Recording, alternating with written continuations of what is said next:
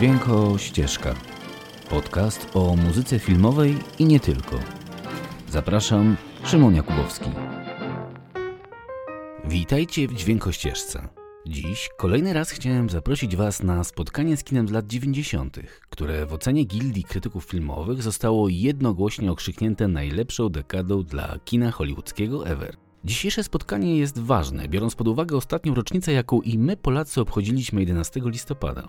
A mowa tu o filmie Braveheart. Filmie o potrzebie wolności, której nie jest w stanie zatrzymać ani władza, ani strach, ani nawet niekończący się terror. Braveheart, waleczne serca. To historia o potrzebie bycia w nieskrępowanej relacji ze światem, ludźmi i wydarzeniami. Brzmi znajomo? Mam nadzieję. W końcu, podobnie jak Szkoci, Polacy też od lat walczą z różnymi siłami. A to ze wschodu, a to z zachodu, a jeszcze wcześniej z północy, nigdy nie było łatwo nam w tym zapomnianym przez bogów skrawku Europy. Ale jedno jest pewne: nieważne jest jak było, ważne jest jak jest. A jest wspaniale. I choć na siłę próbują nam wmawiać, że Polska jest w ruinie i kryzys gospodarczy już niebawem nas zaleje, naprawdę żyjemy w miejscu mlekiem i miodem płynącym. Nie wierzycie mi? Wyjedźcie na wschód. Zobaczcie kraje arabskie, Afrykę lub Indię, wrócicie, rozejrzycie się dookoła i już nigdy nie powiecie, że Polska to złe miejsce do życia. Dlaczego? Bo jesteśmy wolni. Mamy prawo głosu, nasi ojcowie nie umierają z karabinami w rękach, a dzieci nie żebrzą o jedzenie na ulicach. I dzisiaj właśnie o tym, o wolności, za którą każdy z nas płaci inaczej. Ale niewątpliwie jest to jedna z tych najważniejszych postaw, o które warto walczyć i za które warto umierać. Zatem zaczynajmy. A w świat Szkotów z niebieskimi twarzami wprowadzi nas reżyser filmu Mel Gibson i kompozytor muzyki filmowej James Horner, który stworzył ponadczasową ścieżkę muzyczną do filmu, której tematy zna chyba każdy fan kina. No dobra, nie przedłużając, posłuchajmy trochę muzyki, przecież w końcu po to się tutaj dzisiaj spotkaliśmy.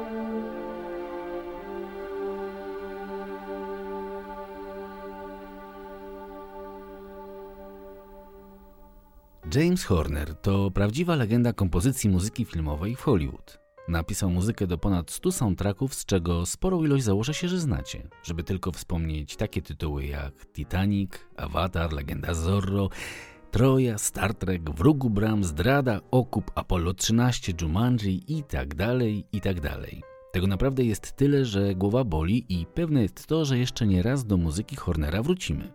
Ale zacznijmy od początku. Horner jest dzieckiem z rodziny filmowej, bo jego ojciec Harry Horner to był wybitny scenograf, który za swoją pracę dostał aż dwa Oscary. A to przecież nie byle co. Ale Jamesowi bliżej jednak było do muzyki, którą najpierw studiował w Londynie, a później po przeprowadzce do Stanów w Los Angeles na Uniwersytecie w Kalifornii. I jak my wszyscy, Horner również zaczynał od etiud studenckich, gdzie szlifował swój talent i szukał swojej drogi. I tak w 1979 roku Horner poznał legendarnego już reżysera niskobudżetowych horrorów Rogera Cormana, co wyprowadziło twórczość Hornera na szerokie wody. I tak to film za filmem i kreatywność gatunku, jakim był horror czy film science fiction, pozwalał kompozytorowi szukać i odkrywać coraz to nowsze pokłady swojego talentu i pomysłowości. W 1983 roku został najmłodszym kompozytorem współpracującym z London Symphony Orchestra.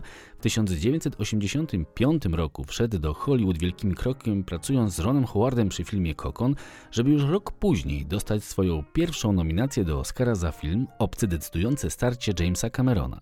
Także jedno jest pewne, James Horner się nie nudził. A przy pracy nad soundtrackiem do Braveheart nie było inaczej. Jego znajomość Anglii, Irlandii i Szkocji na pewno nie zaszkodziła. Muzykę skomponował i dyrygował ze swoją ulubioną londyńską orkiestrą, a do oprawy historycznej Horner użył wyłącznie oryginalnych instrumentów średniowiecznych ze Szkocji i Irlandii. Na szczęście Mel Gibson dał kompozytorowi wolną rękę i tak James Horner, wykorzystując stare celtyckie tematy folkowe i oryginalne średniowieczne instrumenty, stworzył dzieło genialne. Tu jest wszystko. Pasja, emocje, narracja, no i wszystko to, co sprawia, że tą muzykę chce się słuchać, no i do niej wracać. I to po 25 latach. Ten soundtrack nie zestarzał się ani o minutę i z momentem odpalenia tej ścieżki dźwiękowej wystrzeliwuje nas za każdym razem w podróż w czasie i przestrzeni. thank you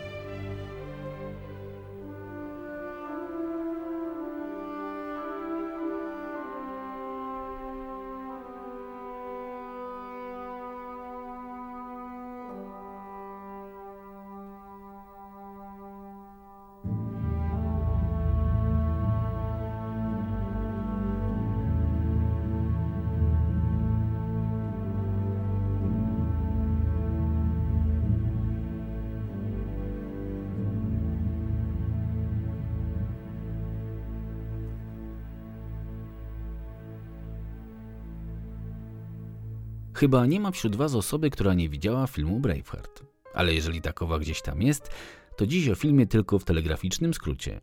Braveheart Waleczne Serca to dramat historyczny opowiadający o przywódcy szkockiego buntu Williamie Wallace'ie, który w XIII wieku duszoną angielską okupacją Szkocję poprowadził do zrywu o wolność.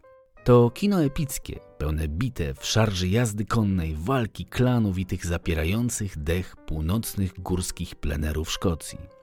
Historia, choć pełna krwi, walki i brudu godnego średniowiecza, zaczyna się i kończy jednak na miłości.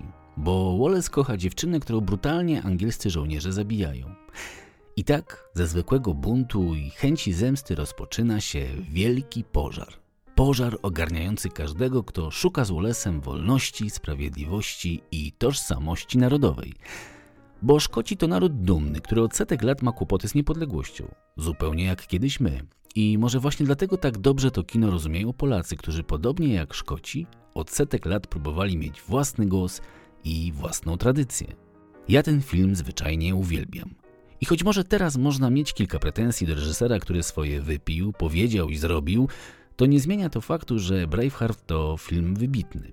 A fakt, że zrobiony jest z taką niebywałą dbałością o historyczne detale, strategie bitewne, kostiumy i szacunek do muzyki i słowa, no film unosi na poziom zwyczajnie mistrzowski. Sześć miesięcy zdjęć, odtworzone plany bitew, tysiące wykutych mieczy i uszytych skórzanych zbroi. Niesamowite jak można robić kino, gdy ma się wizję. I kto by się spodziewał kiedyś po Melu Gibsonie, aktorze z Australii, który swoją karierę zaczynał w Mad Maxie, że lata później będzie tworzył tak epickie dzieła jak Apokalipto, Pasja czy właśnie Braveheart? No myślę, że nikt. Proszę, taka niespodzianka, bo Mel Gibson naprawdę pokazuje klasę. Poza brawurową reżyserią tego filmu gra on też tam główną rolę. Ale nie skupił się wyłącznie na sobie. Wspaniale poprowadził w filmie Sophie Marceau, Brendana Flissona czy wielu innych wspaniałych aktorów, bez których ten film nie byłby tak kolorowy i pełen kontrastów, jaki jest. Rzeczywiście temu filmowi naprawdę trudno zarzucić cokolwiek. Jest tu wszystko. Dramat, prawda, historia, komediowy dystans i emocjonalne zaangażowanie. Esencja kina. I panie Gibson, szapoba. Naprawdę wspaniała robota, daleka od tego, co pan teraz gadasz i po pijaku wyrabiasz. Zobaczcie ten film, proszę, jeśli go nie widzieliście. Jeśli go widzieliście, zobaczcie go z dziećmi. Niech i one, jak kiedyś my, zaczną na hasło wolność reagować pozytywnie i z właściwymi skojarzeniami, a nie tylko tak, jak chcą tego od nas ci, którzy zwykli zawłaszczać sobie historię na potrzebę kolejnych kampanii reklamowych.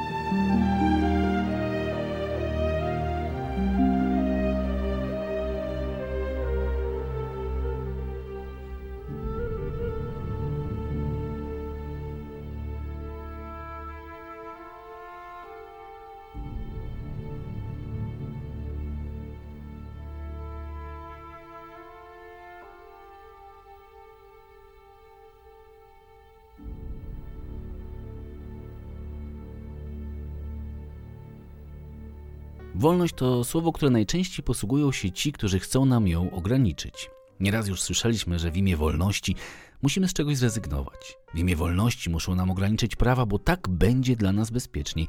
I najgorsze, że praca uczyni nas wolnymi. Pamiętacie to hasło na bramie pewnego obozu? To wcale nie było tak dawno. A to się dzieje tu i teraz, choć może nie wszyscy to widzą lub chcą zobaczyć. W imię wolności teraz grupy łysych panów swobodnie krzyczą hasła nienawiści na ulicach. W imię wolności politycy ograniczają nam internet i swobodę wypowiedzi. W imię wolności nas wszystkich odbiera się wolność uchodźcom ze strefy wojny. Chcąc być wolni od trosk świata, odgradzamy się od nich zamkniętymi osiedlami, obserwujemy wszystko kamerami, w imię wolności pozwalamy naszym rządzącym manipulować prawdą.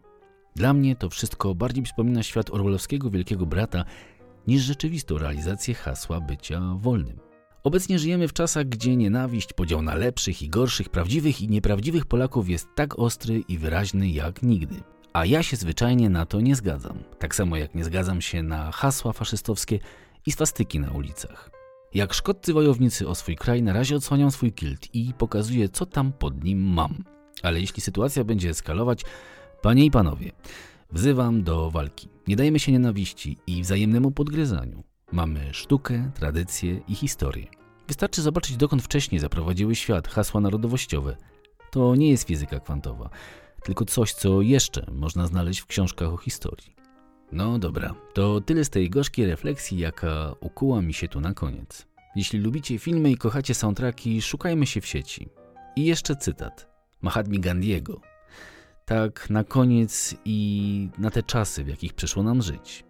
Wolność to stan umysłu.